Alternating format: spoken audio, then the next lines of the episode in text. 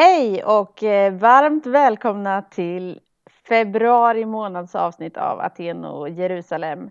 Eh, lite försenat februari månads avsnitt, men eh, ni är välkomna ändå. Eh, Vi hoppas att det kommer ut imorgon och så är det lite odefinierat när imorgon är. Fast när ni lyssnar på detta så är det idag, eller hur? Ja, precis. Det är ett ständigt idag som det står i, i Bibeln. Idag är frälsningens dag. Mm. Aten och Jerusalem är ju, vad är det, eh, Sveriges eh, stökigaste teologiska frikyrkliga intervjupodcast. Med mest frikyrklig prägel och, och, och Maja representerar den allmänkyrkliga ja. delen. Då. Och idag har vi med mig Annika Wilsén och eh, Viktor Alfons. Och Anton Jonsson. Hey. Kul att se er. Mm, detsamma. Tack detsamma. Vilken eh, glädje mm. att se era små nunor mm. i bild här. Verkligen. Idag, idag är det lite en, en stor dag för mig för jag har tagit första sprutan av covid-vaccinet. Ja. Grattis! Oj, grattis! Mm, tack. Så skönt. Har du börjat fått någon så här konstig utväxt ur pannan? Nej, eller men jag har fått huvudvärk har jag fått. Så jag har mm. tagit Alvedon. Ja. Mm. Men eh, flera kollegor har fått 40 graders feber av det här. Så att jag Sikt. väntar och ser lite. Astras mm. eh, vaccinare. Mm. Ja. Det finns ju de som, det finns ju de som har en mycket seriös teori om att eh, det här är Bill Gates försök att ändra vårt DNA på något sätt. Det är ju spännande mm. att se då. Känner du dig orolig för det? Nej, inte så. Bill Gates förvandlar dig till en gurka ja. eller någonting sånt. Ja, eftersom jag jobbar som forskare. Du vaknar upp med ett finger mm. som är en gurka och så, ja, förlåt. Nej, men eftersom jag jobbar som forskningssköterska själv så vet jag liksom hur rigoröst det är med läkemedelsforskning. Mm. Hur många kontroller det är i så många olika led. Så därför har jag liksom svårt att tro, det med Big Pharma och det liksom. Ja, jag har svårt att se hur det skulle liksom gå ihop sig. Mm.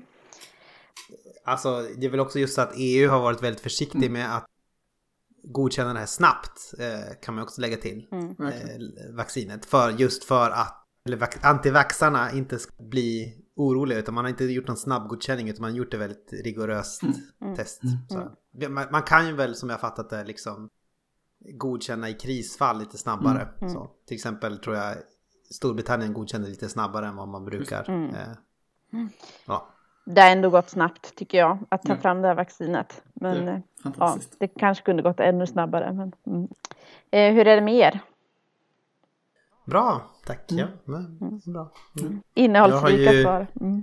Precis, jag har börjat i eh, prekariatet mm. som det kallas då. Att jag vickar runt mm. mm. för låg lön och obefintlig arbetstrygghet mm. eh, den här terminen. Mm. Så det är väl det som händer just nu. Mm. Att jag befinner, infinner mig på en förskola eller en skola, står med kepsen i hand och bugar och tackar som en fattigjon. Ja. Eh, ja. ja. annars är det väl inte så mycket nytt. Jo, eller visst har vi sagt att Signe är född? Ja, det var förra podden. Mm. Vill jag minnas att uh, ni hade före efter tror jag. Eh, när Signe var född. Mm. Det är det här med att man mer...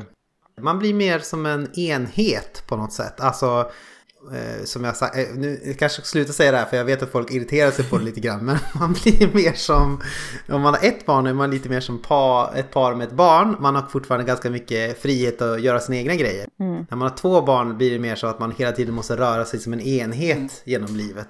Mm. När man har två barn, då känner man att när man är med bara ett barn, bara, vad lätt det är. Det är ju helt som att vara själv, typ.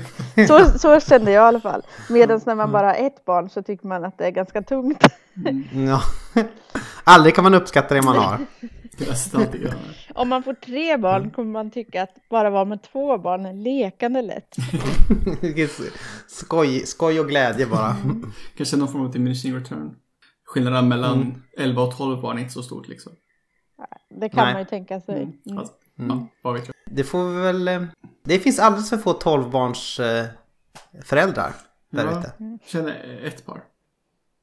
Eller ja, nej, jag känner Gör barn. Ett, ett av barnen, ska jag säga. Ha, om, jag, om jag skulle ha 12 barn mm. Då skulle jag ju definitivt köpa upp en stor landplätt och så skulle jag dela upp ett område var åt dem så här. Det här är Isakars land, det här är es, Esras land. Ja. Det här är Signes land. Du skulle inte bara namnge barnen Ruben, Simon, Levi, Juda, Dan, Naftali, Gad, Nej, men de, de, de måste också få ett landområde. Ja. De måste också få ett landbit var. Måste de få. Det är också orättvist att det var tolv eh, landområden som fördelades, men de hade ju också döttrar. Mm. Ja, mm. det var ju tråkigt. Tråkigt för dem. men tråkigt för dem. Två av, två av dina barn kan inte få ett landområde, utan du måste ge till två av dina barnbarn istället. Ja, just det. Ja, just det. Ja, och så ska jag korsa händerna när jag välsignar dem. Och, nu är det avancerade biblisk referenser här. Då korsar man händerna och välsignar, ger det större landområde till den yngre. Mm, så. Mm. Yes. Nog om det! Släpper den bollen tror jag. Mm. Hur är det med Viktor då? Det, inte, ja. vet vi inte någonting eh, om. Nej men det är helt okej. Okay. Våren har kommit till Lund. Vi hade massa minus och snö. Sen hade vi en dag slask och sen dess har vi haft soligt och torrt. Så jag är ganska nöjd faktiskt. Mm. Mm. Det är kul att ni ändå fick lite, lite snö mm. där nere. Ja, men verkligen. Det är mitt första snö i år i Lund. Mm. Grattis! Mm. Grattis Lund! Ja, det var väldigt vackert. Eller ja, Lund är alltid vackert, men väldigt vackert med snö också. Mm. Ja, nej, jag har aldrig varit där. Jag får åka dit någon mm. gång. Nog om oss. Mm. Ska vi gå in på mm. dagens avsnitt? Vem har vi ja, pratat med idag? Idag har vi pratat med Josefin Follsten som numera bor i Kenya och är missionär. Hon är vad man kallar för medföljande. Alltså det är hennes make då, Jonas, som är den som är har ett tydligt uppdrag från Sverige kanske man kan säga i sin missionärskallelse och hon är mera en ja, följer med och mm. har skapat väl sin egen kallelse då kan man säga där nere. Hon har ju tidigare varit bland annat regionledare i EFK Asien. Hon har jobbat i EFK länge. Mm. Eh, totalt sett så tror jag 18 år i den här organisationen. Mm. Men numera så är hon ju ute med eh, PMU. Så 2019 så slutade hon på EFK. Mm. Eh, och vi, vi nämner det här i intervjun att hon då med orden eh, Jag måste gå nu. Mm. Och eh, en ganska stor del av intervjun går väl ut på att diskutera det här Jag måste gå nu. Varför, varför var du tvungen att gå? Vad var det mm. som var anledningen till det? Vad är liksom den större historien bakom det som jag brukar kalla i mitt huvud för The Troubles i EFK. Mm. Eh, från 2017 och framåt när det blev när väldigt många... Eh, många slutade, många blev utbrända, många mådde väldigt dåligt. Ja, en del fick gå. Och sådär. Det var mm. rockader i styrelser och allt möjligt sådär. Mm. Så det kommer vi prata om en del. Och också om hennes tid. Lite grann kommer vi beröra saker som att hon var med i en sekt eh, mm. ett tag som heter Flippers Army, en missionssekt. Mm. Är det något mer som vi tar upp? Eh, mm, ja, vi det pratar det, typ om mission det. också, eller hur? Ja. Mm. Och kanske när man känner sig att man är sviken av eh, kyrkan eller mm. eh, sitt kristna sammanhang, hur man tar sig vidare.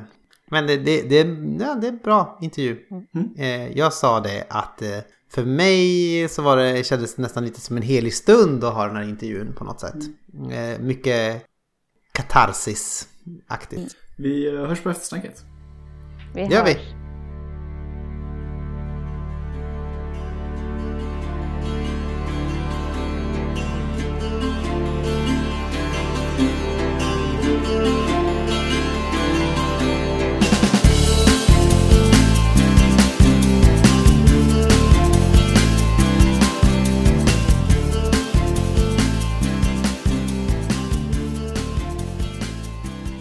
Hej Josefin! Välkommen till den här podden.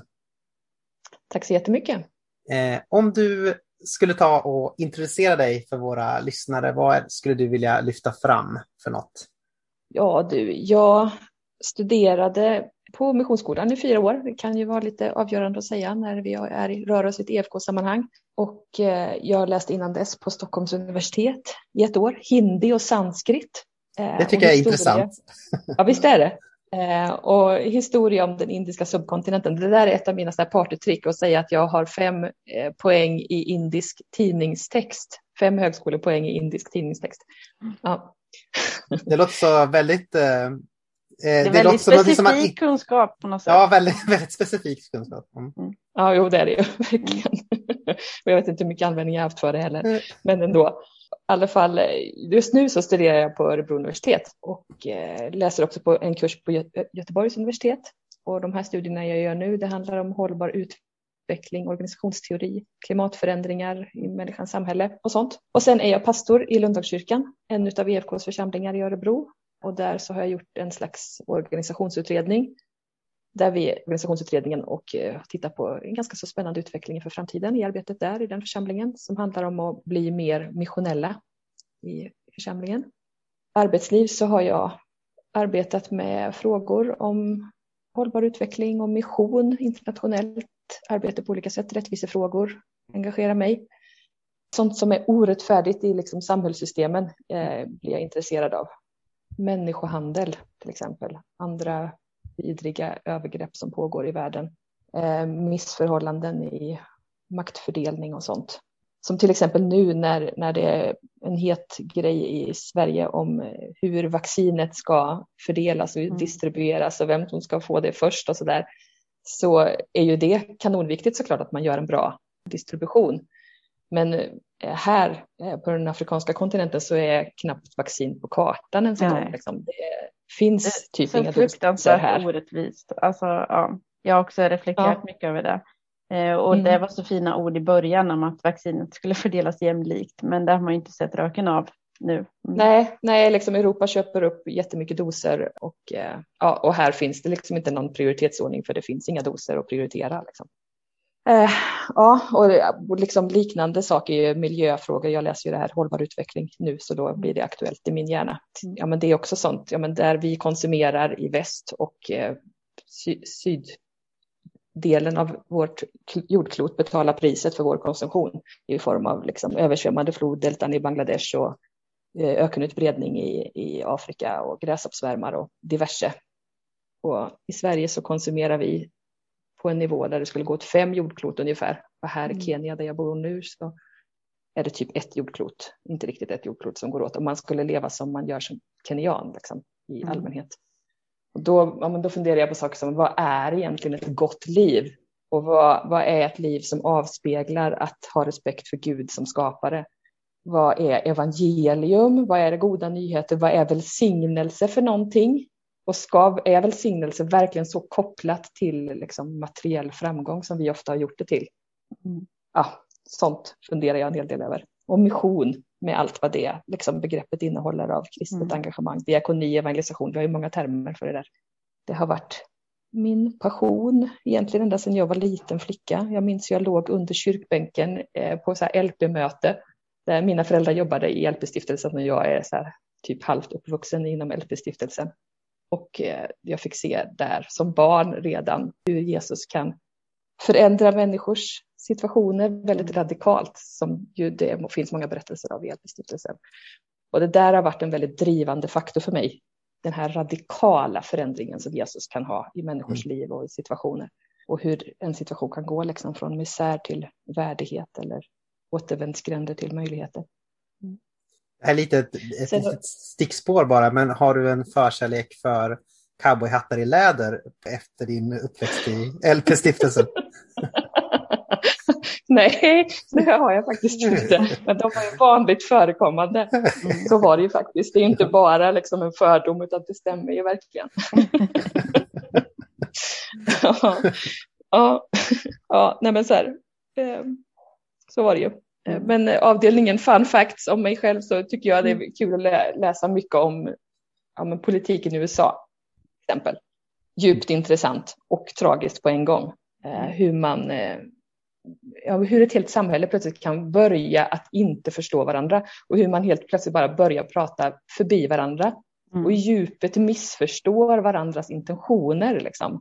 Mm. Odlar nidbilder utav varandra och också verkar finna någon slags glädje och näring i det här odlandet av missförstånden. Liksom. Mm. Det här är ju sjukt spännande. Det är väldigt mm. intressant tycker jag. Det, och ibland undrar jag varför vi är så fascinerade av eh, USA som, som mm. vi är. Men det är väl kanske lite att man, de är en föregångare på många områden. Alltså som man, den här polariseringen till exempel. Mm. Den har ju gått Mm. mycket längre i USA men den finns ju här också. Så det är Ja, ju, det ju. Men det är ju intressant därför, tänker jag. Ja, bland annat. Du eh, befinner dig i Kenya, stämmer det? Absolut, Mm. det gör jag. jag. Jag bor i Nairobi. Okej. Vad gör du där om man får fråga? Absolut. Mm. Eh, alltså, förutom att jag då pluggar en del och är lite deltidspastor på distans eh, i Lundagskyrkan så eh, engagerar jag mig i det lokala pingstsamfundet här i Kenya. Det, är, det här samfundet är en av PMUs partner här i landet där vi är nu eftersom min man Jonas fick arbete som koordinator för PMUs arbete i östra Afrika så engagerar jag mig i, i det här samfundet och deras arbete med mission framför eh, är ett av områdena som jag har eh, försökt engagera mig lite grann i.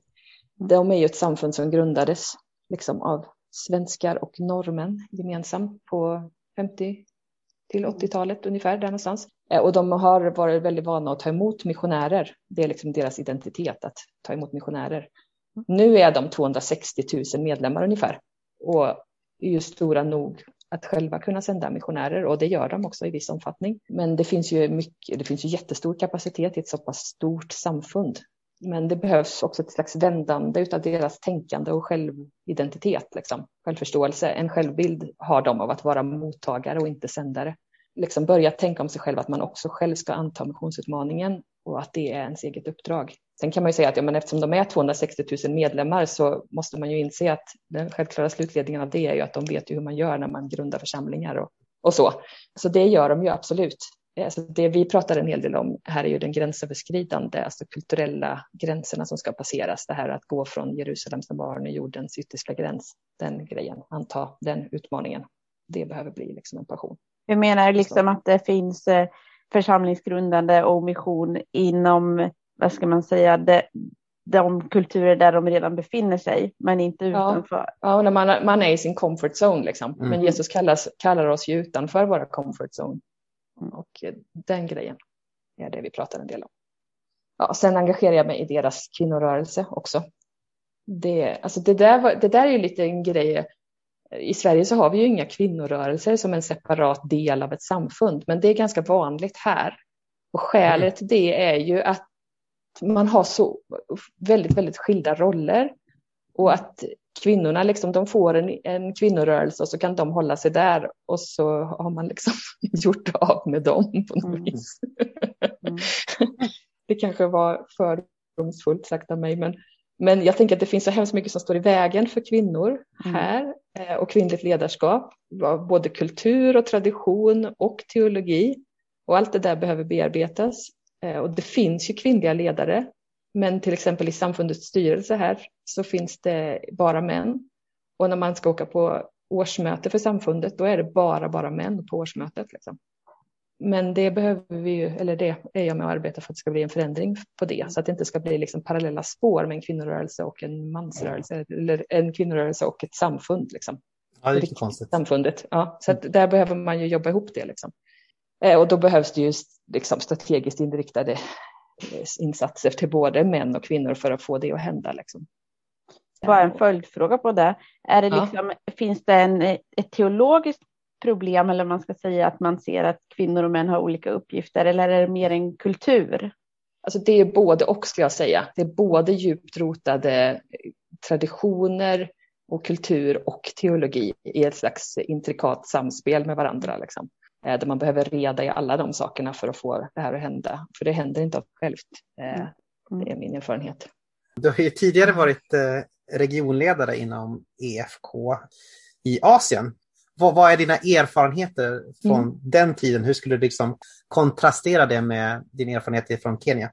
Eh, Det finns ju enormt stora skillnader såklart att jobba i Asien och i Kenya. Eh, En skillnad för oss som familj det är att där i Asien så var det ju jag som var liksom, det var jag som hade fått tjänsten och min man följde med och var en mer fri aktör, liksom, en fri spelare att engagera sig i det som fanns i arbetet där då, så som jag gör nu eh, när jag själv väljer eller det är lite friare roll. Liksom. Nu är det tvärtom. Ja. Och då för mig så handlar det ju mycket om att leda och vara ansvarig för det som EFK gör i Asien av partnerskap i, tror att det var 12 länder då. eh, personalansvar och projektansvar och sådär. Ansvarig för EFKs mission i Asien och var, arbeta med personalrekrytering och rapportering och kontakt med församlingar i Sverige och listan var lång liksom. Mm eh, ofta väldigt komplexa samband när en missionsrörelse har vuxit fram under så pass lång tid som 130 år plus är, är vi ju på nu med EFKs mission. Där man arbetar i svåra situationer. Man finns i svåra situationer för det är därför man är där. Man är där för att adressera olika typer av utmaningar liksom, och finns i dem. Och också allting är fött någon gång eller har kommit till någon gång av en väldigt överlåten längtan att man vill följa Gud och tjäna Gud, lyssna in hans röst och så. Och att människor ska få lära känna Gud. Det där gör att det blir komplext när man har byggt på och byggt på under många, många, många år. Sen är det ju väldigt mycket roligt. Jag har otroligt mycket roliga minnen och eh, mycket glädje åt arbetet i Asien. Och också var det väldigt mycket som var svårt. Kanonsvårt. När det handlar om att hantera ärenden av korruption eller miss hantering av pengar eller övergrepp på barn i EFKs projekt. Eller svåra situationer som kan uppstå när missionärer finns i liksom en krosskulturell kommunikation på olika vis. Och det var ett läge när det var en av mina kollegor som uppfattade att mitt kontor, alltså rummet där jag satt, eh, det blev vanhelgat eh, eftersom den här personen ansåg att man inte skulle ta itu med sådana saker. Och det sades då att vi arbetar med ljuset och inte mörkret. Mm. Och sen kan man, ju, man kan ha väldigt många frågor till det här med tanken att man kan vanhelga ett kontor. Mm.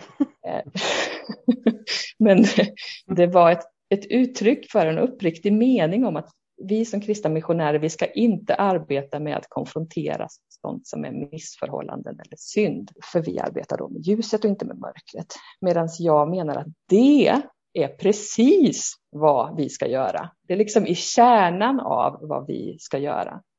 Apropå hur man så totalt kan liksom missförstå varandras intentioner. Mm. Liksom. Alltså om man tänker och, på hur Jesus var. Han var ju ganska konfrontativ mot synd. Så det var ju, mm. ja, vi har ju en Det kan man tänka. Mm. det, det, kunde man tänka, ja. ja. Nej, men alltså det här med jämlikhet och rättfärdighet, det är liksom ett hela tiden pågående väldigt hårt arbete. Det händer inte av sig självt, är min erfarenhet. Mm. Så man måste jobba med det. Det är ingen självklarhet. Men jag håller med på något sätt och det är, det är väl kanske vår historia där som frikyrkosamfund som spökar där att vi har tagit itu med det lite, lite hårt på typ 50-talet och sådär med synd. Och nu tror vi att allting löser sig bara man sjunger lite lovsång för att vi inte vill hamna i 50-talet igen. Om man, ska, om man får raljera lite grann. Så. Men, det är, ja, men jag håller med, det är, som ett, det är ett hårt arbete. Mm. Rättfärdighet och så. Du eh, jobbade ju 18 år i Evangeliska Frikyrkans organisation eh, på olika sätt. Du var ett väldigt bekant ansikte och en gång till och med föreslagen som eh, missionsdirektor i en trio.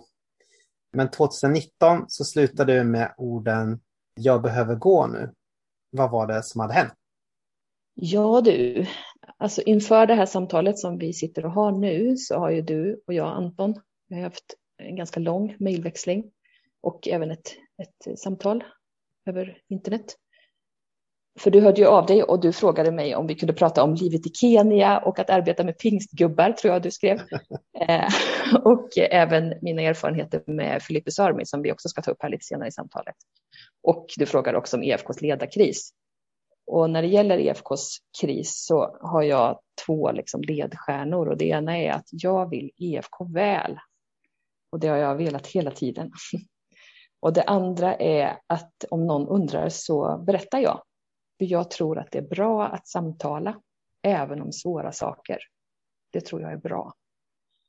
Eh, och vi har några alldeles väldigt utmärkta redskap i vår liksom, kristna verktygslåda för att klara av svåra samtal. Sanning som kan ge frihet är ett verktyg. Ett annat verktyg är nåd, förlåtelse, upprättelse. Otroligt kraftiga, bra verktyg. För det är ju till syvende och sist inte vi själva eller liksom vår organisations krisberedskapsstruktur som gör att det går att prata om svåra saker. För det är Jesu nåd eh, med oss. Jesu nåd med oss, det är Jesu nåd med oss mm. som bär genom död till liv. Just precis i den ordningen, död till liv, eh, det tror jag eh, att det är så det kan vara ibland, eller egentligen är, genom död till liv. Men ibland så är det nödvändigt även som en organisatorisk fas, liksom, eller en fas i en process. Jag läser ju organisationsteori teori nu, sa jag förut här. Och då kan det här med död vara som en organisatorisk fas. Eh, och i våran tro så kommer ju livet efter döden. Vi har ju vänt på det där. Vi tror ju på liv efter döden. Så i alla fall när jag har eh, berättat om EFKs kris för dig Anton så, ja, men så har jag gjort det så som det låter ur mitt perspektiv såklart. Eh, och eh, vi har konstaterat, eller i vår mejlväxling sen, att en berättelse den får något av en annan karaktär när den spelas in, eller ett samtal och dess inneboende dynamik. Liksom. Det finns någonting som förloras när man spelar in det. Det blir liksom statiskt eller låst i och med att man spelar in ett samtal. Så därför så fortsätter jag att ha min inställning så att om någon vill undras så berättar jag i ett samtal där det går att bygga så mycket förståelse som bara är möjligt. Men om jag ändå ska säga någonting så hade jag vid det laget blivit väldigt trött. Trött av att ha arbetat med att adressera ojämlikhet, eh, orättfärdighet och inte minst gränslöshet mot kvinnor under en ganska lång tid i en arbetsrelaterad relation, specifik relation. Och trött även av att hantera några i organisationen, som några kollegors reaktioner av att jag satte ord på det som ingen egentligen vill sätta några ord på och inte jag heller. Och eh, tystnaden som uppstod missförståelsen av mina motiv att agera, misstro mot mig och mer eller mindre förtäckta hot om vad nu som skulle hända med mig. Och eftersom det var, eller blev väldigt tyst eh, så var det svårt att avgöra vidden av liksom förödelsen omkring mig efter att jag hade satt ord på saker som man inte ville höra. Och allt det där gjorde mig helt slut. Så det var därför som jag sa som jag gjorde, att jag behöver gå nu. Hur tycker du att eh, EFKs styrelse eh, hanterade den här eh, gränslösheten mot kvinnor som fanns och som du även själv fick erfarenhet av? Som jag redan har berättat så, så har ju jag själv jobbat med ansvar för en del en hel del ganska svåra saker och situationer och har hanterat svåra saker själv förut. Så jag har väldigt, väldigt stor respekt för att det som är svårt, det är svårt på riktigt. Det är liksom inte bara ett ord, utan det är någonting man upplever i djupet utav, av sin varelse, att när det är svårt, då är det svårt. Och det är ju därför som man både organisatoriskt eh, i olika teorier och lagar och organisationspolicyer och sådär och i Bibeln också omgärdar svåra saker med mycket regler. För att man vill ha en slags varsamhet om det som är svårt. Och med det sagt så saknade jag eh, samtalen där jag egentligen tror att vi hade kunnat klara av det bättre om vi hade pratat mer med varandra. Jag tror kanske inte att det hade blivit så där hemskt stor skillnad på utgången ur alltihop. Kanske inte i alla fall, men vi kanske hade kunnat gå lite helare ur krisen som människor. Liksom. Den här omsorgen om varandra när det är kris, det är verkligen oändligt, oändligt svårt. Samtidigt som jag sa förut så så är vi som kyrka eller församlingsrörelse i besittning av väldigt, väldigt goda verktyg som inte managementkulturen liksom äger i form av nåd och förlåtelse och upprättelse. Och en syn på varandra som någonting mer än kollegor, alltså vi pratar om varandra som systrar och bröder och sådär. Eh, inte mm. bara arbetsgivare och arbetstagare. Och det där är någonting som kan vara en styrka, men det är också någonting som kan bli djupt svårt. Att man har så hög bekännelse och så höga ideal och överlåtelse till varandra i relation. Kris är kris och det är djupt svårt. Men jag tror att en större öppenhet utan att för den skull behöva bli liksom snaskig eller götta sig i detaljer eh, eller ens medial. Liksom. Det hade varit en bättre väg än den som styrelsen valde att gå med att lägga en slags lock över situationen och lämna oss som hade en berättelse med att bära den historien ensamma. En historia som vi eh, allihopa och som jag tror att vi allihopa är oändligt ense om att ingen av oss vill bära. Ingen av oss. Men den finns. Och att bära den tillsammans, eh, det hade inte blivit lika tungt, tror jag.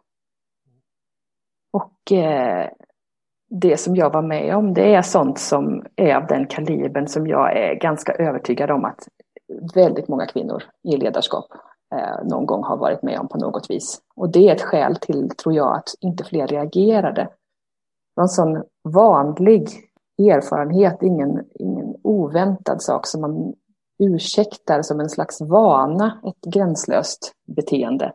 Jag tänker att man kan förvänta sig mer ansvarsutkrävande ju mer förtroende man har fått i en organisation. Det fanns säkert de som tyckte att jag överreagerade när det egentligen var ett helt system som underreagerade, tänker jag. Var det här liksom, det är en eh, extra fråga, men var det här före metoo-revolutionen hade kommit, så att säga? Ja, det var ju ungefär ett år innan. Det, för det känns som att det, det var väldigt många som liksom delar med sig av erfarenheter där just man kände att, att eh, det här som jag varit med om, det har ju ändå alla varit med om. Så därför var det så på något sätt ingenting att göra en grej av. Och så var det som att under metoo så, så, upp, så eller upptäckte man, men man uppmärksammade att det liksom är eh, beteenden som är normaliserade men som eh, absolut inte är okej. Okay, liksom. Ja. Det är många organisationer där det liksom har varit beteenden som man har på något sätt tillåtit. Mm. Men som jag tror och hoppas att man nu skulle ta i på ett annat sätt. Kanske. Kanske. Jag har också fått en backlash de senaste åren, tänker jag också, hela den metoo-rörelsen.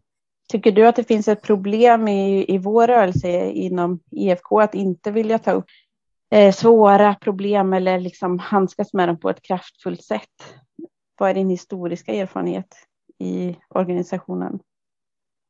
Alltså, det är ju kanonsvårt för man ska ju sitta där i, samma bänkar på torgkonferensen sen liksom. Eller mötas i kön på Café Sion eller eh, något liknande. var på samma bröllop som den eller dens syster eller eh, svåger eller ja, hur det nu hänger ihop. Man, man sitter ihop med varandra på fler än ett sätt i en liten rörelse som EFK.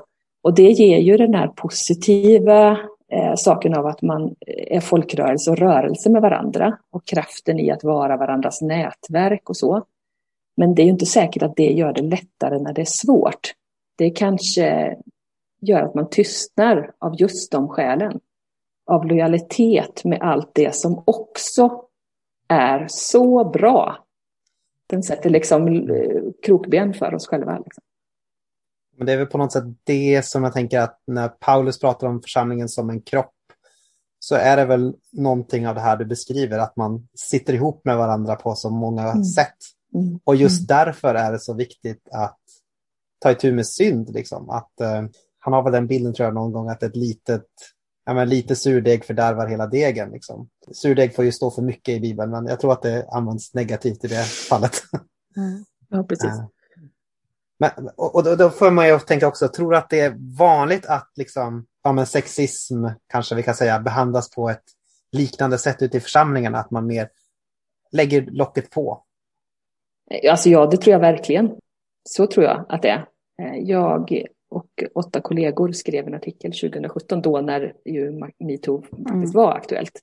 Och det var ju då ett år efter den här krisen som vi pratar om nu. Den artikeln hade rubriken Fri, Frikyrkan ingen frizon. Eh, mm. Och jag tror faktiskt inte att det har förändrats så där enormt mycket efter 2017 eh, och mm. metoo. Utan det finns nog, det är ganska liksom djupt gående strukturer som det här handlar om. Liksom om jag tar mig friheten att läsa ett litet citat ur den artikeln som vi skrev då, så skrev vi så här då, att här har varje ledare, man som kvinna, ett stort ansvar att agera med beslutsamhet och fortsätta samtalet och tro att en förändring är möjlig. Vi har ansvar både att gå korrekta rättsliga vägar, stötta den som behöver mod och våga, att våga berätta eller anmäla och att göra plats för försoning där det är möjligt. För vi behöver förstå och ha respekt för att försoning är en process som kan och får ta tid. Just det här med försoning så tror jag att en del av det försoningsarbete som vi har att göra som församlingsrörelse, det är att försona oss själva med eh, själva tanken på att sånt här faktiskt händer hos mm. oss. Eh, och våga tro att Jesu nåd räcker för det också. Det här är inte onämnbart inför Jesus. Liksom. Nåden räcker för detta också. Det är kanonsvårt, men det är ju precis det svåra, alltså synden, som Jesus kom för att ta tur med. Eh, det som vi inte klarar själva, det har vi ju Jesus. Liksom. Det var ju därför han kom. Eh, för att ta itu med syndens alla olika typer av ansikten som visar sig. Mm, sant.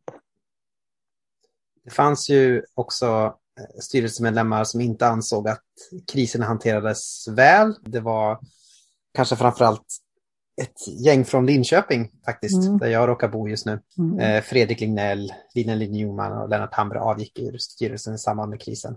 Tror att de uttryckte någonting att man skulle vara tydligare med personalen och att människor skulle få vara mer delaktiga. Alltså fortfarande uttrycker sig lite diffust kring det här. Tycker du, tycker du också att det hade behövts mer delaktighet, alltså att personalen skulle fått vara mer delaktiga i vad som hände?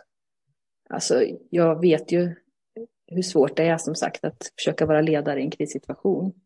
Men det är ju här som en stor del av min, liksom, mina funderingar och brottningar i tanken med det här har rört sig efteråt. Liksom. Där jag vill tro att vi egentligen klarar, vi klarar av att prata även om sånt som är svårt. Jag har redan formulerat mig kring det här. Att jag tror att vi är väldigt intensivt, eller jag är väldigt intensivt övertygad om att ingen egentligen vill bära den här berättelsen. Men den finns.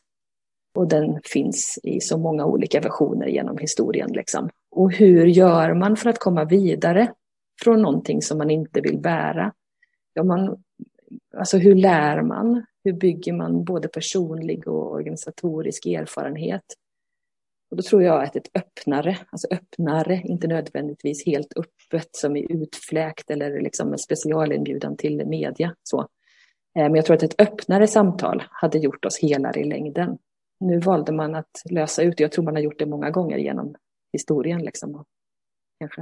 Eh, det är en liksom mänsklig reaktion att försöka göra så. Man väljer att lösa ut en del av det svåra med tystnad.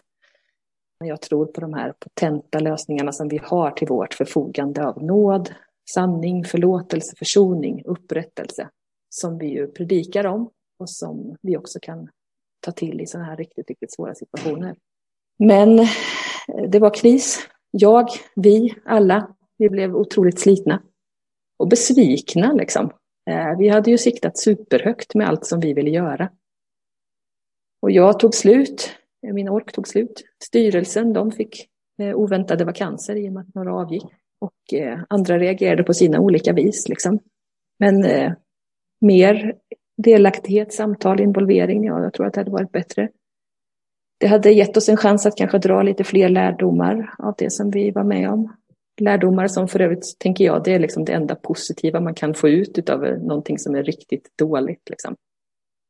Och, och, om man inte pratar om det, alltså tystnad, om man reagerar med tystnad, då drar man inte ens nytta av det enda goda man kan få ut ur en kris, lärdom.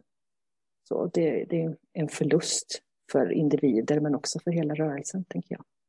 Sen så har det ju hänt eh, jättemycket, det har ju gått flera år sedan det här utspelade sig, sedan det begav sig. Och till exempel så blev ju en av de tre eh, som avgick ur styrelsen i protest mot den här tystnaden och i protest emot hur krisen hanterades, blev ju vald till eh, direktor sen. Faktiskt föreslagen av samma styrelse som också hanterade krisen. Ja, så det var ju något av en vändning i liksom styrelsehanteringen. Mm. Verkligen. Man mm. får hoppas att det, att det ger hopp för framtiden och mm. liksom hantera svåra situationer framåt. Så. Nu ska vi byta ämne lite grann. Du har tidigare varit med i vad man skulle kunna kalla för en prestationssekt, Philippus Army, där det också fanns inslag av sex och maktproblem. Kan du berätta om den? Och den erfarenheten, har det på något sätt hjälpt dig eller skälpt dig i relation till det som hände i EFK? Precis, prestationssekt är ett roligt ord. Mm. Men det stämmer, det är ganska väl inringat. Det var en ganska man säga, kraftig erfarenhet när jag, var, när jag var ung. Vi var ett gäng vänner, kompisar, som var oerhört överlåtna till missionskallelsen från Gud. Och det där blev attraktivt, liksom, och drog till sig mycket människor. Och växte, och fler och fler kom med. Och vi ville väldigt mycket och vi gjorde väldigt mycket. Jag var till exempel med om att plantera tre församlingar i Polen. Då, det var innan jag var 20 år. Ja, det är ganska mäktigt på något sätt. Och det var ju verkligen inte bara jag, alltså jag var ju jätteung. Eh, men jag mm. fick vara med och vara en del i det. Det var ju fantastiskt. Liksom. Tron växte ju varenda dag med flera centimeter. Man kan uttrycka sig på det viset. Men mm. Jag var i Rumänien på så här olika typer av evangelisationssatsningar och jag var i Turkiet eh, och så småningom också utsänd till Indien delvis med liksom dem i ryggen, Lupus mm. Army. Men alltså, vad tiden gick så blev jag mot slutet, alltså det var totalt sex år som det här utspelade sig under. Jag hade kontakt på olika sätt med Filippus. Mm. Eh, och jag blev allt mer liksom frågande kring det som gällde makt och hur den hanterades av de som ledde eller han som ledde. Eh, och vad det gjorde också med oss som blev ledda och hur allt mer liksom, det smög sig på att rädsla liksom blev en slags drivkraft för vad man gjorde och hur man ansträngde sig. Rädsla för reprimander, att man inte gjorde som man skulle, att man, ja, sådär. Och så fanns det också, det stämmer, en eh, ganska långtgående snedvriden syn på vad den här ledaren kunde ta sig för friheter på det sexuella planet med en specifik kvinna som mm. också då hade blivit ledare i mm. slutet där.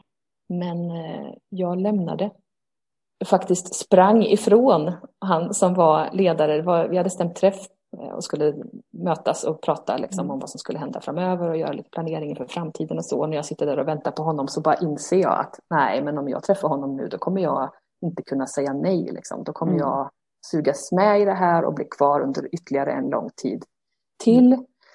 Och eh, jag kommer inte kunna liksom bli fri från det här sammanhanget. Så jag mm. bara reste mig upp och sprang då på utsatt tid på det här mötet. Och det blev liksom början till slutet på mitt engagemang i Philippus Army. Och sen eh, så kom jag in på Missionsskolan och ägnade mycket av min tid där åt att bearbeta de här upplevelserna och liksom få fast mark under fötterna igen med, i min tro. Mm. Om vem Jesus är och vad han vill med mig och vad kampen för rättfärdighet kan innebära för någonting. Och att det faktiskt är en tydlig del i missionsbefallningen i uppdraget mm. som vi har fått av Jesus, som vi var inne på här för en stund sedan i samtalet. Alltså med de här erfarenheterna i ryggen så blev det helt ingraverat i mig att kampen för sanning och rättfärdighet, det är en del av det kristna uppdraget. Och sen kan ju det vara oerhört förvånande och förbluffande och överväldigande att den kampen ibland kan behöva utkämpas bland ens egna trossyskon. Liksom. Man kanske tror att den ska vara med världen, typ. Mm. Men den kan ibland stå eh, med ens egna trossyskon. Eh, och så var det ju för Jesus också. Han adresserade ju också liksom dåtidens religiösa eh, med deras dubbelmoral liksom och, och så. Mm. Och då, eftersom Jesus gjorde det, så är det vårt uppdrag idag också. För vi har samma kallelse som honom. Så är det. Mm. Om man tänker det här, när, var, hur gammal var du när du sprang ifrån den här ledaren rent fysiskt? Eh, då var ju jag alltså, vad kan jag ha varit, 21, 22 någonting sånt. Ja. 22. När vet man att det är dags att liksom springa därifrån? Eh, att springa ifrån ett, ett sammanhang som är destruktivt, att, att lämna, att ge upp kanske man kan, kan säga. Alltså det är ju fantastiskt, fantastiskt svårt att svara på den frågan. För varje situation är ju unik på något sätt. Eh, och har man rört sig lite i pastorssammanhang under några år så vet man hur mycket pastorer till exempel våndas över den här frågan, alltså should I stay or should I go? Liksom.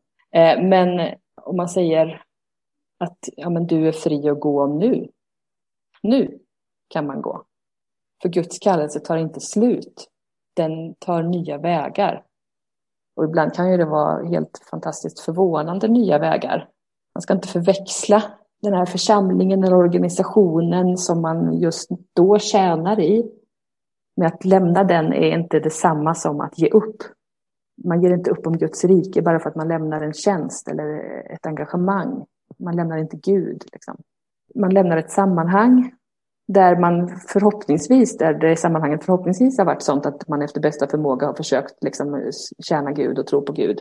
Alla sammanhang där människor sätter spelreglerna eller där människor engagerar sig är ju på ett eller annat vis på någon nivå korrupt. Det kan vara jättelite eller ibland kan det vara mycket. Eh, men det svåra är ju kanske, eller det svåra och en signal till att lämna, det är kanske att när det inte går att prata om det där korrupta som vi alltid har ibland oss. Liksom. Mm.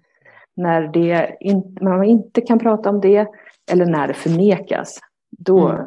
Kan jag tänka, då är det en signal till att lämna. Jag har eh, följt, kan man säga, det som har hänt efter Knutby har lösts upp och sådär. Och mm. det var ju det som liksom har nämnts efteråt är mycket där att tvivel skulle, tvivel skulle man inte ha. Och att det som upprätthöll sekten väldigt länge var att människor inte luftade sina tvivel med varandra. Liksom. Mm. Mm. Um, och när man till slut gjorde det så var det också det som gjorde att det tog slut på något sätt. Mm. mm. Ja, samtalet om det som är det svåra, alltså på något vis vad det hade kunnat göra. Eh, ja. Det hade kanske kunnat bygga åt ett helt annat håll. Vad vet jag. Hur behåller man tron när man är med om något sånt här? Och hur undviker man att bli cynisk? alltså det är ju jättesvårt. Men, alltså, det är viktigt. frågan. Mm. Ja, precis. ja, men det är ju viktigt att hålla isär eh, att Gud är Gud och människor är människor. Eh, Gud är Gud och organisationen är organisationen. Liksom, eller mm. så. Gud är, är inte detsamma som samfundet. Gud är större än varje sammanhang som vi kan vara med i. Mm. Eh, Gud är större än både du och jag och eh, större än varje organisation eller gemenskap som vi någonsin kan vara medlemmar i eller engagera oss i. Liksom. Och så det här som vi pratade om förut, att vår tro handlar om att det finns liv efter döden. Jag har läst mycket och ofta återkommit till de berättelserna som handlar om lärjungarna och hur de betedde sig och vad de gjorde efter att Jesus var död. Funnit mig själv ganska mycket i de berättelserna eh, om vad som hände med lärjungarna då när Jesus var död.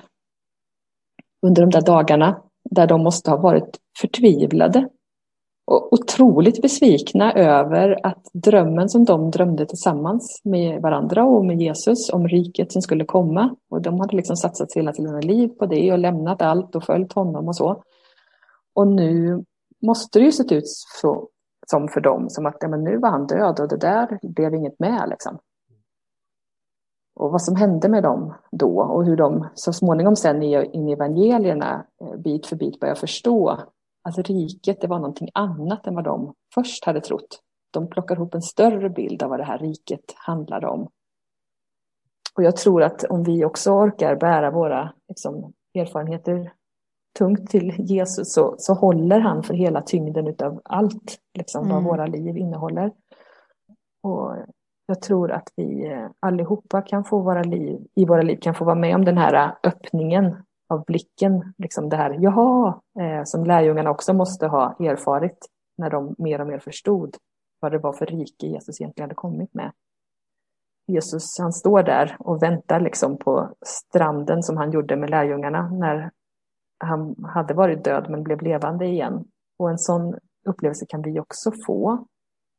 Eh, han kan stå på våra livs stränder också och förnya sin kallelse till oss efter att vi har gått igenom en period av död. Liksom. Mm. Där vi till och med kanske upplever att Jesus är död. Eh, Gud är död. Men han blir levande igen, för han finns efter döden.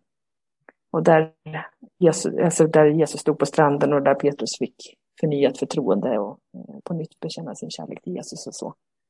De där berättelserna, det där tänker jag det är enormt starkt. Sen så tänker jag också apropå cynism och, och så, alltså att livet tar oss ibland på en resa där, där vi går igenom cynism och bitterhet mm. över saker och ting som har gått fel. Och det är på något vis ibland en helt korrekt reaktion eh, att göra det. Det viktiga är väl att man inte stannar där och att bli kvar i det. Liksom. Eh, jag har en vän som sa till mig att det är väl okej att man har stökiga rum i huset där man liksom tenderar att slänga in eh, allt sånt som man inte riktigt vet vad man ska göra av över ja, sånt som man har som man inte vet vad jag gör av den här upplevelsen. Liksom. Eh, man slänger in det där och så går man in där ibland och rensar och sorterar och så kanske man återfinner saker och kommer på att ja men just det, den ska ju stå där och så får man en ny lärdom. Liksom. Mm. Det viktiga är väl att det kanske att man inte bor i det där stökiga rummet, för det vore inte så lyckat mm. att hela tiden bli kvar där i de upplevelserna. Mm. Men att man bearbetar dem och ja, så.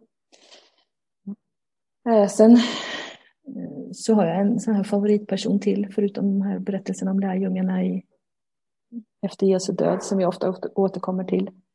Om Simon i templet, eh, han som tog emot Josef och Maria när Jesus skulle omskäras när han var en liten baby. Det står om Simeon där i templet att han var rättfärdig och from och han väntade på Israels tröst. Det står inte så mycket mer om Simeon än det, men i alla fall vi kan konstatera att Simon han gick där i templet och han var kvar i den här liksom, gamla situationen, en situation som han visste var på väg att liksom, gå ur tiden och han väntade på det som skulle komma. Och det är tjusigt tycker jag att han, eh, alltså han hade kunnat gå där och bli helt bitter och besviken på allt som pågick i templet och som, ja, bara, han kunde ju bara dratt därifrån. Men han var kvar och väntade på honom som skulle komma. Det är väl så det är att vara kyrka överhuvudtaget, att vi väntar på att Jesus ska komma och göra allting väl. Men vi går i en brustenhet, liksom, i en nutid som är skev och sprucken och korrupt utav synd och alla möjliga saker på olika vis. Men hoppet är Jesus, föredömet är Jesus. Spridda funderingar om cynism och mm. bitterhet. Mm. Ja, men det var en fin berättelse, jag har inte reflekterat så mycket över den där med Symeon, liksom att, att mitt i, i allt det brustna så här härbärgera hoppet. Så, mm. mm. Mm. Väldigt fint. Mm. Vilka ord skulle du vilja skicka med dem som kämpar i kristna organisationer som är kvar i det gamla, kanske känner att man håller på förlorar i sin kamp för rättfärdighet? Alltså man ska göra det som är ens eget ansvar. Alltså se till att ta ditt eget ansvar. Det är nog. Mm. Mm. Hur kan något så syndigt vara Kristi kropp? Ja, jo nu ska ni höra, så här är det. alltså, Upplys oss. Ja. ja, precis. Nej, men jag vet inte. Alltså, det här är ju också en jättesvår fråga. Eh, vi är ju på väg. Eh, Jesus kommer, eh, men han har inte kommit än. Men han ska komma och då ska han göra allting helt upprättat, återförenat med sig själv när han kommer. Och, och alltså är det så liksom ett slags mysterium att vi på något vis, vi får, vi får här och nu kallas för Kristi kropp och får förtroendet av Jesus att vara hans vittnen. Och jag kan verkligen undra hur han vågade liksom. Om det inte är just det det handlar om, att vi som gemenskap ska få vara det här ständiga liksom, vågspelet utav sanning, nåd, förlåtelse, upprättelse. Och att det är vittnesbördet för världen. Liksom. Att förkroppsliga det här vågspelet, att bli en del i Kristi lidande. När han tog tag i synden så får vi också göra det. För att vi får veta att utgången är liksom säkrad och klar. Eh, och så mm. får vi liksom vara del i Kristi kropp som ständigt kastas i det här vågspelet av sanning, nåd, förlåtelse, upprättelse. Det är en mm. fundering från min sida, jag vet inte, men det är så jag funderar. Jag tror att jag, det ligger väldigt mycket i det som eh, jag fick lära mig på Missionsskolan för många år sedan nu, att vi lever i en tid av nu men ännu inte. George Eldon Ladd, tror jag teologen hette, som säger så att Kristus har vunnit seger, men vi ser inte liksom fullbordandet av det, Nej. fullheten av det ännu. Mm. Men vi lever i en tid av där nåd och försoning ska verka i systemet. Liksom. Det är där vi är nu, det är våran tid. Vem är Jesus Kristus? Jag hade ju på känn att den här frågan skulle komma, så jag har plockat fram en eh, text som jag skrev för jättemånga år sedan. Så det, den får bli mitt svar, och här kommer den. Min Jesus är inget lyckopiller. Jesus är inga ljusblåa drömmar om ett lyckligt liv. Jesus är inte heller välformulerad poesi. Jesus är till sista blodsdroppen. Efter tro, efter tvivel, bakom lyckan, bortom poesin, står Jesus kvar bakom höga känslor, i jublande välregisserade gudstjänster, bortom finstämda korrekta formuleringar, där utmanar fortfarande Jesu person. Bortom kyrkotraditioner, mötesordningar, omorganisationer, ekumeniska strävanden, frammanipulerade stämningar, lyckade satsningar och stora, stora besvikelser. Bakom allt detta utmanar Jesus så att själen darrar. Ja, riktigt bra dikt. Mm. Verkligen. Tack. Och till slut, vem borde vi intervjua i podden framöver? Alltså, jag har ju scrollat lite grann igenom era, vilka ni har intervjuat och jag tycker ni har missat missionärerna hittills. Ja. Mm. De är det kan kvar. Stämma. Det kan stämma. Eh, och då, då vill jag lyfta fram Bert framgångar, så har mm. de ändå varit kvar. Och det är intressant och spännande att höra vad de har att berätta. Bra tips. Mm. Ja, det är faktiskt ett uh, område. Vi har haft lite regionledare med, uh, än mm. i alla fall, men det är det mm. enda. Till ert försvar. Ja, till vårt försvar. Tack så mycket för att du tog dig tid, Josefin. Ja, stort tack. Mm. Guds välsignelse. Tack mm.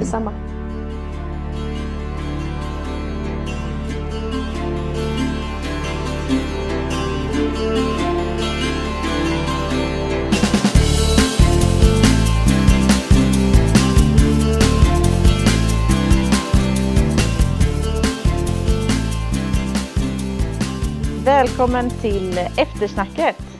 Nu är vi tillbaka. Anton och Viktor och jag. Jajamän. Tungt eh, avsnitt, eller tung intervju mm. tycker jag. Men viktig. Viktor, eh, du var ju inte med och intervjua. Nej. Kan du börja med att ge några, eller någonting som du tar med dig eller reflektioner? Men det här med, med tystnad kring kriser och, och kanske framförallt kring mer sådana här sorts kriser liksom och, och hur man ska ja, men hantera dem. Det är ju inte första gången det har hänt och det är inte sista gången eh, som, en, som en kristen ledare har betett sig illa. Och ja, men jag tänker också på, när var det, förra året kanske, eller förrförra, eh, frikyrkoprofilen. Som minns att det blev en diskussion mm. om man skulle komma ut med hans namn eh, eller inte. Eh, för att ja, han var en kringresande Förlåt, var det han som hade köpt precis, sex? Precis, eller? i Örebro. Så ja, det var lite diskussion om man skulle gå ut med hans namn eller inte för att han var en kringresande predikant. Eh, och för ifall församlingen inte visste om det eller inte så kanske de skulle anställa honom utan att, eller låta honom tala utan att de visste om vad han har gjort och då kanske de inte hade gjort det. Liksom så så det, det är så den laddningen men också ja, men för rättvisa och för genuin förlåtelse och så kan det vara poäng med när det just är ledare som beter sig illa. Ja, men jag, jag, jag, tänker på något sätt att det är superviktigt. Eh, jag tänker att absolut, det är inte säkert att man måste straffas ut i all Nej. evighet för att man har köpt Nej. sex. Utan det finns ju nåd och förlåtelse och kanske ett visst, att man kan återfå ett visst förtroende mm. efter det. Men problemet är ju att folk aldrig omvänder mm. sig, tänker jag är det stora mm. problemet. Mm. Alltså när vi pratar om det i Bibeln så tror jag att många har fått ett, ett missuppfattning om det här med det man kallar liksom församlingstukt eller mm. att man på olika sätt försöker tillrättavisa varandra och hjälpa varandra eh, och sådär. Det som Jesus pratar mm. om till exempel.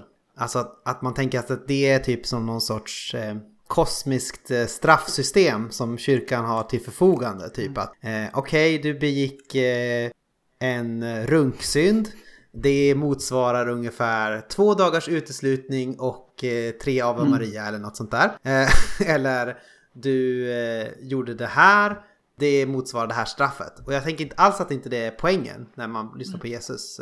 Och, utan poängen är just det att all synd kan förlåtas. Mm. Men är en person villig att omvända sig? Alltså om jag, på, om jag påtalar för en person du har syndat mot mig. Mm. Är den villig då att lyssna? Mm. Och är den villig att lyssna om till och med församlingen, hela församlingen säger att du har syndat mot den här mm. personen. Mm.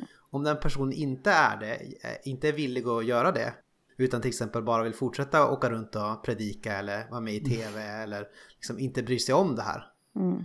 Då, är den då gör den personen till åtlöje mm. liksom att församlingen ska vara en försoningens gemenskap. Det handlar inte om att den personen inte får förlåtelse. Nej. Utan det handlar om att den personen gör hela idén om försoning som kyrkan är tänkt att vara till åtlöje. Det liksom drar det i smutsen, den struntar mm. i det. Mm. Och den personen kan inte fortsätta vara en... Den kan inte, definitivt inte fronta eh, försoningens gemenskap. Nej. Och eh, den borde också kanske... Ja, ibland kan jag tänka, ja, ibland kanske en sån person också borde kickas ut ur en församling helt enkelt. Mm. Tills den har liksom... Tills den är beredd att försonas med den som den har mm. syndat mot. Så det är inte så här en kosmisk straffskala utan det är mer det här... Mm. Ja men gör du det som tron, som är trons centrum, alltså är villig att mm. försona dig med någon. Mm. Jag tänker på, vad heter det? Torture and the Eucharist. Eh, ja. Eh, som, eh, det är väl Kavanaugh Ja, det är Kavanaugh och eh, där han liksom diskuterar, det var väl i Chile, om eh, de som har fallit offer för tortyr kan liksom dela nattvardsbord med sina torterare. Jag kommer inte ihåg eh, liksom alla resonemang och jag har inte läst den, men att det på något sätt är en församling som inte eh, åtminstone tillfälligtvis stänger ute torteraren från nattvardsbordet. Mm gör ju på något sätt den platsen omöjlig för offren. Mm. Ja, jag vet inte vart jag vill komma med det, men att det, det finns ju i vissa situationer så finns det ju väldigt tydligt förövare och offer mm. och att eh, som kyrka måste man på något sätt kunna hantera det och eh, eh ställa sig på den utsattes sida mm. utan att på något för den skulle förenkla för ingen människa är bara ett offer eller bara en förövare. Men eh, jag tänker lite på det liksom Josefin är inne lite grann på att det fanns en, som hon uttryckte en gränslöshet mot kvinnor i en specifik mm. Eh, arbetsrelation som hon hade det. Mm. Och det här tror jag att det inte bara EFK i det här sammanhanget som hade svårt att hantera, utan tyvärr så mm. tror jag att det har förekommit och förekommer på många platser och i många av våra kyrkor.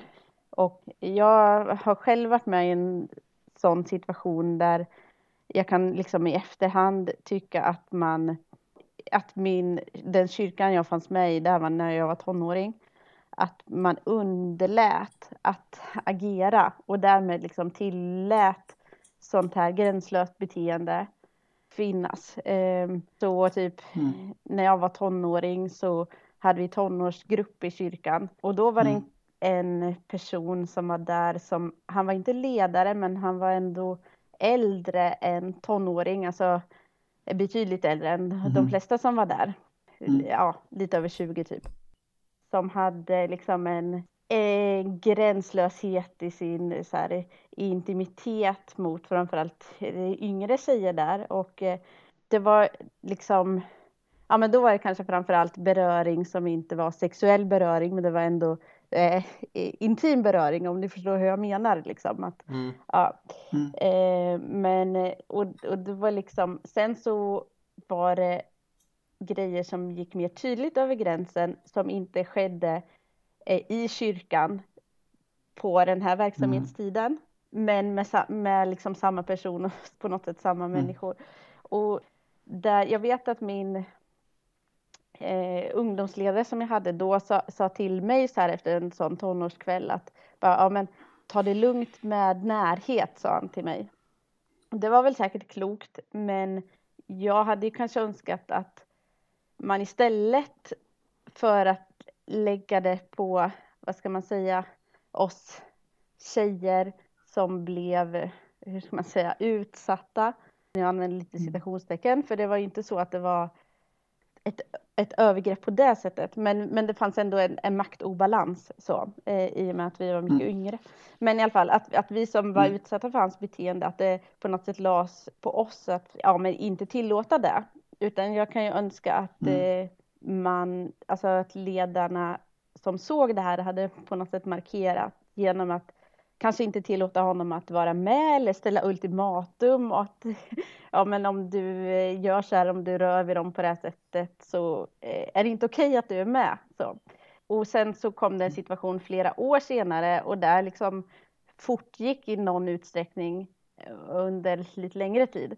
Och sen var det en situation flera år senare när jag själv hade egentligen blivit vuxen, fast ja då var väl jag typ 20 och han var fortfarande med i tonår.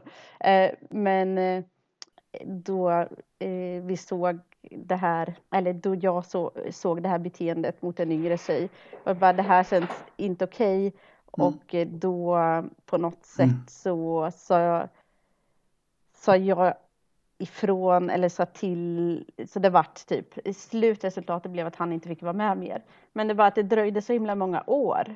Det kan liksom provocera mig att det är, man väljer så gärna icke-konfliktvägen om man kan. Och det tycker jag mm. Josefin ändå nämner mm. att när hon i, i en position försökte arbeta med konflikter eller svåra situationer att eh, hon också har mött dem som tycker att nej, det ska man inte ta i för att de, de jobbar inte med, ljus, med mörkret, mm. de ska jobba med ljuset. Så. Och jag tror inte någon skulle mm. säga så i den här kyrkan mm. eller det här sammanhanget. Men i praktiken så blir det ju så på något sätt att man, man föredrar icke-konflikt helt enkelt. Mm. mm. Eh, för jag har svårt att tro att man inte såg det överhuvudtaget. Så. Eller uppenbarligen såg man ju någonting som inte var helt okej eftersom mm. man sa till mig. Så. Ja. Ja. Nej men jag, jag sa ju det tror jag i den här intervjun att att vi är lite brända av vår historia av att man hade kanske den här eh, kosmiska straffskala-idén om, om församlingstukt typ. Mm. Typ att o, oavsett hur mycket du ångrar dig så ska du få det här straffet. typ eller något sånt där. Men att nu har vi snarare gått över till mm. det här. Vi sjunger bara lovsång och hoppas att det löser sig typ. Mm. Jag tänker att det som Jesus vill göra i en församling det är att åstadkomma inte bara tillräknad rättfärdighet att vi kan kallas rättfärdiga utan att vi kommer vara rättfärdiga på riktigt. Mm. Att nåden nåden vill verka i oss så att vi är rättfärdiga. Och jag tänker att en av de verktyg som Gud har gett oss är liksom församlingen för det. Och också att församlingen vågar ta tu i konflikter på riktigt. Liksom. Det är en av de här, det är ett lite mindre andligt svar kanske. Mm. Men det är väldigt så tydligt, det här tänker jag det, är, det använder Gud för att skapa, för att göra oss rättfärdiga typ. Eh, för, att vi förmanar varandra, att vi, att man kan säga då så här bara Sluta hålla på och kramas med eh, 14-åringar. Du är 28 år gammal, damn it. Mm. liksom. det, men det, grejen är väl att när man tar tag i konflikter så finns det en stor risk att någon blir sårad eller till och med att någon lämnar. Eh, så. så priset är ju, det finns en risk för att man får betala ett högt pris för att man tar tag i problem. Men att inte göra någonting eh, skapar ju en annan mm. typ av, ja det har ju ett högre pris kan jag tycka. Mm. Mm. Ja men risken är ju att man till slut mm. ödelägger hela församlingen om man bara låter det fortgå. Liksom. Mm. Det här med lite surdeg förstör hela baket. Mm. men sen, sen undrar jag om det också fanns ett visst, alltså hur ska man säga? Det, det, det, är väldigt många tjejer, kvinnor som har erfarenhet av att på något sätt ha blivit tafsade på eller på något sätt eh, sexuellt trakasserade eller ut, eh, utsatta för eh, gränslöst beteende. Att det var så på något sätt eh, ja, men normaliserat så man hade inte riktigt ett språk för att eh, säga det här var inte okej okay, på något sätt, även om man någonstans eh, kände det. Så. Det, jag, det är ju en sån sak som jag verkligen är tacksam över med metoo-hösten, att eh, man fick ett språk för att prata om erfarenheter. Så. Mm, ja men verkligen. Det var ju en fantastisk utlösande ja. period tror jag. Um, och jag tycker man kan märka en ganska tydlig skillnad innan och efter. Mm. Um, med just språket kring det och, och, så. Alltså såklart det är mycket som sker i skymundan fortfarande men mm, Ja, jag tycker också att det är skillnad faktiskt. Mm. Att, eh, det är också lättare, när man väl har språket för det är det också lättare att agera. Så. Mm. Okay. Eh, men Josefin lät väl inte så hoppfull om vad metoo ger, men jag är mm. i alla fall lite hoppfull. Mm. Jag tror kanske att man hade hanterat krisen i IFK 2017 annorlunda om det hade varit efter metoo. I alla fall snart efter. Mm. Mm. Kanske. Jo men det tror jag. Alltså för att då skulle man varit mer med på bollen på något sätt. Mm. Mm. Det är så sorgligt på något sätt att det alltid ska vara vi alltid liksom ska komma som en släpvagn Mm. bakom att det är någon annan som har kommit på eller som har liksom uppmärksammat något och då kommer vi på mm. just det, vi ska ju också tänka det på det här med att inte ha sexuella trakasserier eller något sånt där. Mm. Alltså att, eh, jag vet, inte, jag vet inte vad jag tillskriver det till men att eh, vi ofta inte tar initiativ till saker själva utan att det är liksom, utan vi bara upptäcker oss och säger vi men evangeliet har väl någonting att säga om det här också mm. liksom. Så här, det är lite sorgligt att vi är så alltid Mm.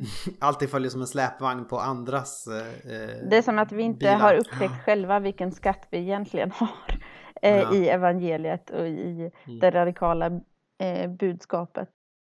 Nej men det är liknande med eh, miljörörelsen liksom och, och så. Eh, det är mycket snack om det i, i sammanhang nu men inte för 10 år sedan, 20 år sedan. Återigen, bara som en släpvagn på bakom en annan social rörelse. Mm. Mm. Lite såhär Johnny come lately som det heter på engelska. Man stapplar in genom dörren och säger lite yrvaket med nattvössan på. Vi är med på tåget. Men när det gäller sexuella trakasserier var det väldigt många mm. som kom släpande. Kan man ja, säga. Det, mm. det, var väl ett eh, systematiskt undangömmande av en viss typ av erfarenheter. Uh, ja, alltså jag, jag, tänker på det här med prestationssekt mm. som vi är inne på. Det är lite kort som Josefin berättar om det. Det här uh, att det är liksom en missionsrörelse som blir mer och mer sekterisk och uh, prestationsinriktad och där man känner att man, det, det hotar hela tiden repressalier och sånt där. Och där tror jag också att där finns det någonting som lurar hela tiden att man... Eh, saker som är framgångsrika har vi väldigt svåra i frikyrkan att mm. ifrågasätta. Mm. Utan det är alltid om man, eh, ja, men om man nu bara ska säga typ så här... Eh, nu säger jag inte att Hillsong är liksom en sekt eller något så här, det säger jag absolut inte. Mm. Utan det är snarare motsatsen kanske till en sekt. Men Men där, om någon riktar liksom kritik, är inte det här lite konstigt i Hillsong? Eller är inte det här, är det inte bra med typ medlemsbegrepp? Mm. Då säger man alla, men det funkar ju.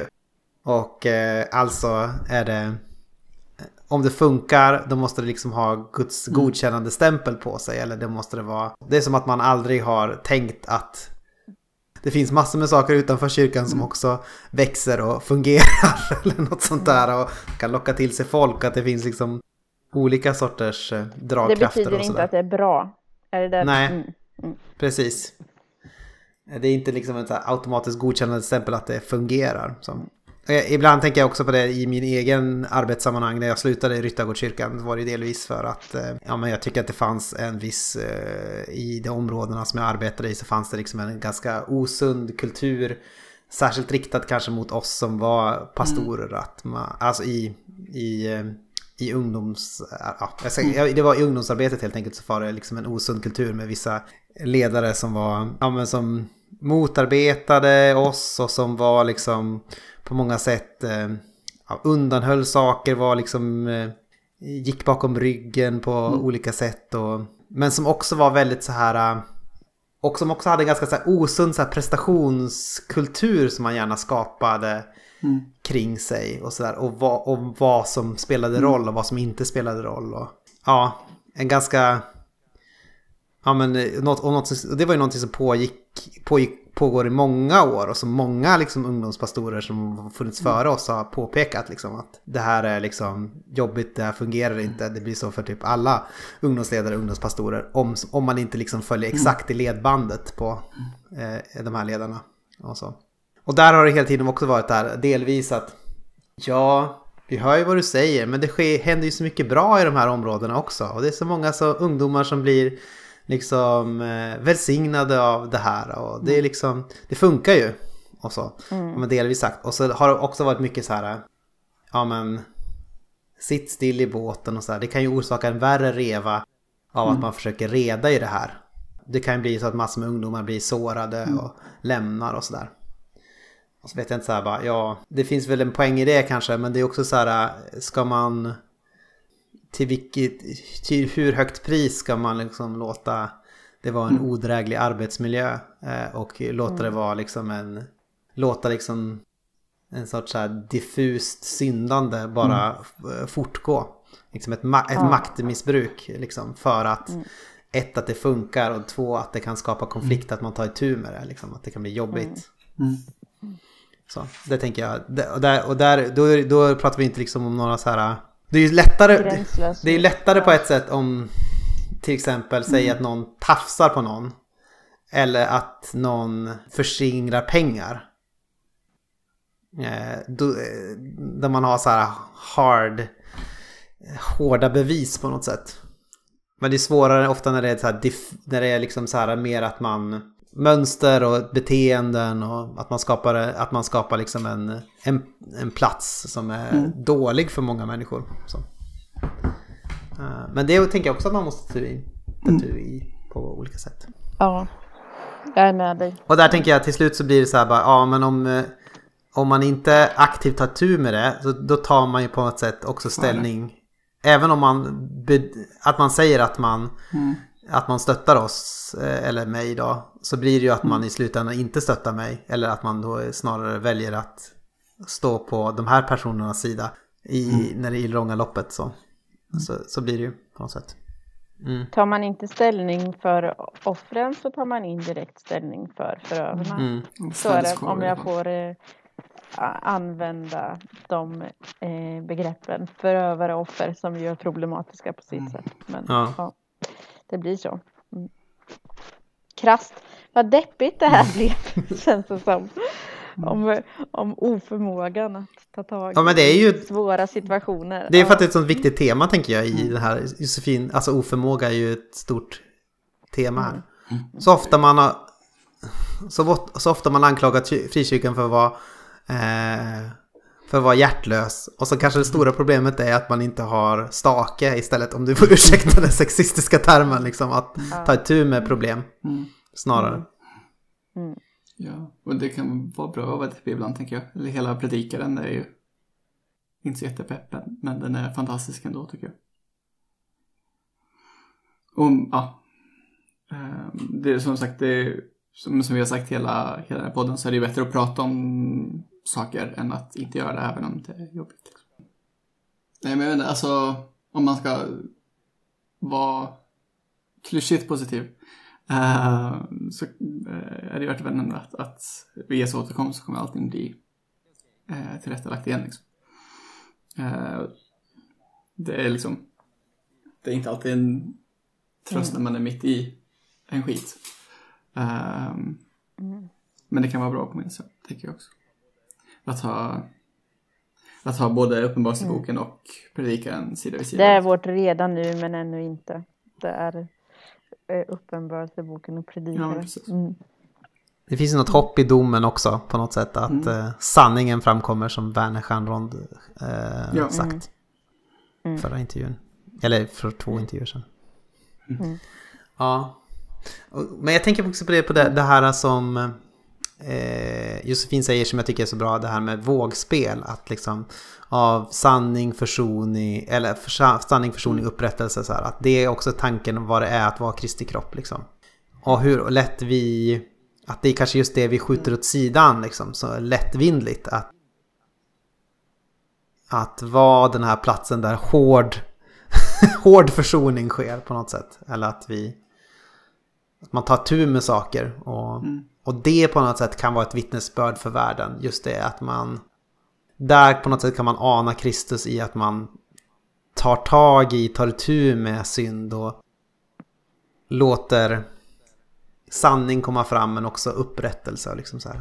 För, sanning och försoningskommissioner. Mm. Ska vi säga tack och adjö med de orden? Ja, tack. Tack, tack. Vi, ja, kom ihåg saker som att mm. eh, eh, ja, ni kan ju prenumerera och sådär. Kommentera. Säg till en vän. Mm. Dela. Mm. Maila. Jag har eh, fasta, nej ska man inte säga, men från sociala medier. Så det blir svårare att dela saker i sociala medier då. Mm. Då får man prata med någon helt enkelt. Därför måste ni som inte fastar från sociala medier dela desto mer. för mm. Ställföreträdande för eh, Annika. Exakt. Åh, oh, vänta, vänta, vänta, vänta! Så hörs vi nästa månad. Vi har glömt en sak. Läsgrupp. Ja. Vi har en eh, Karl ja. Bart eh, studiegrupp, en liten läsgrupp. Som eh, kommer träffas eh, den eh, 4 mars. 4 mars första gången. Varannan vecka sen. Och varannan vecka därefter klockan 20.00 va?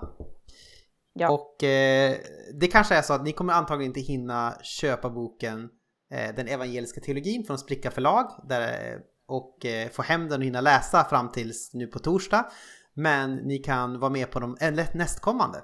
I, om ni går in på Facebook så hittar ni en bild med eh, böcker och två piper och där det står den evangeliska teologin och där finns en rabattkod som ni kan skriva in på spricka.se och eh, köpa en bok. Och sen kan ni mejla atenajerusalem.gmail.com och säga att ni vill vara med.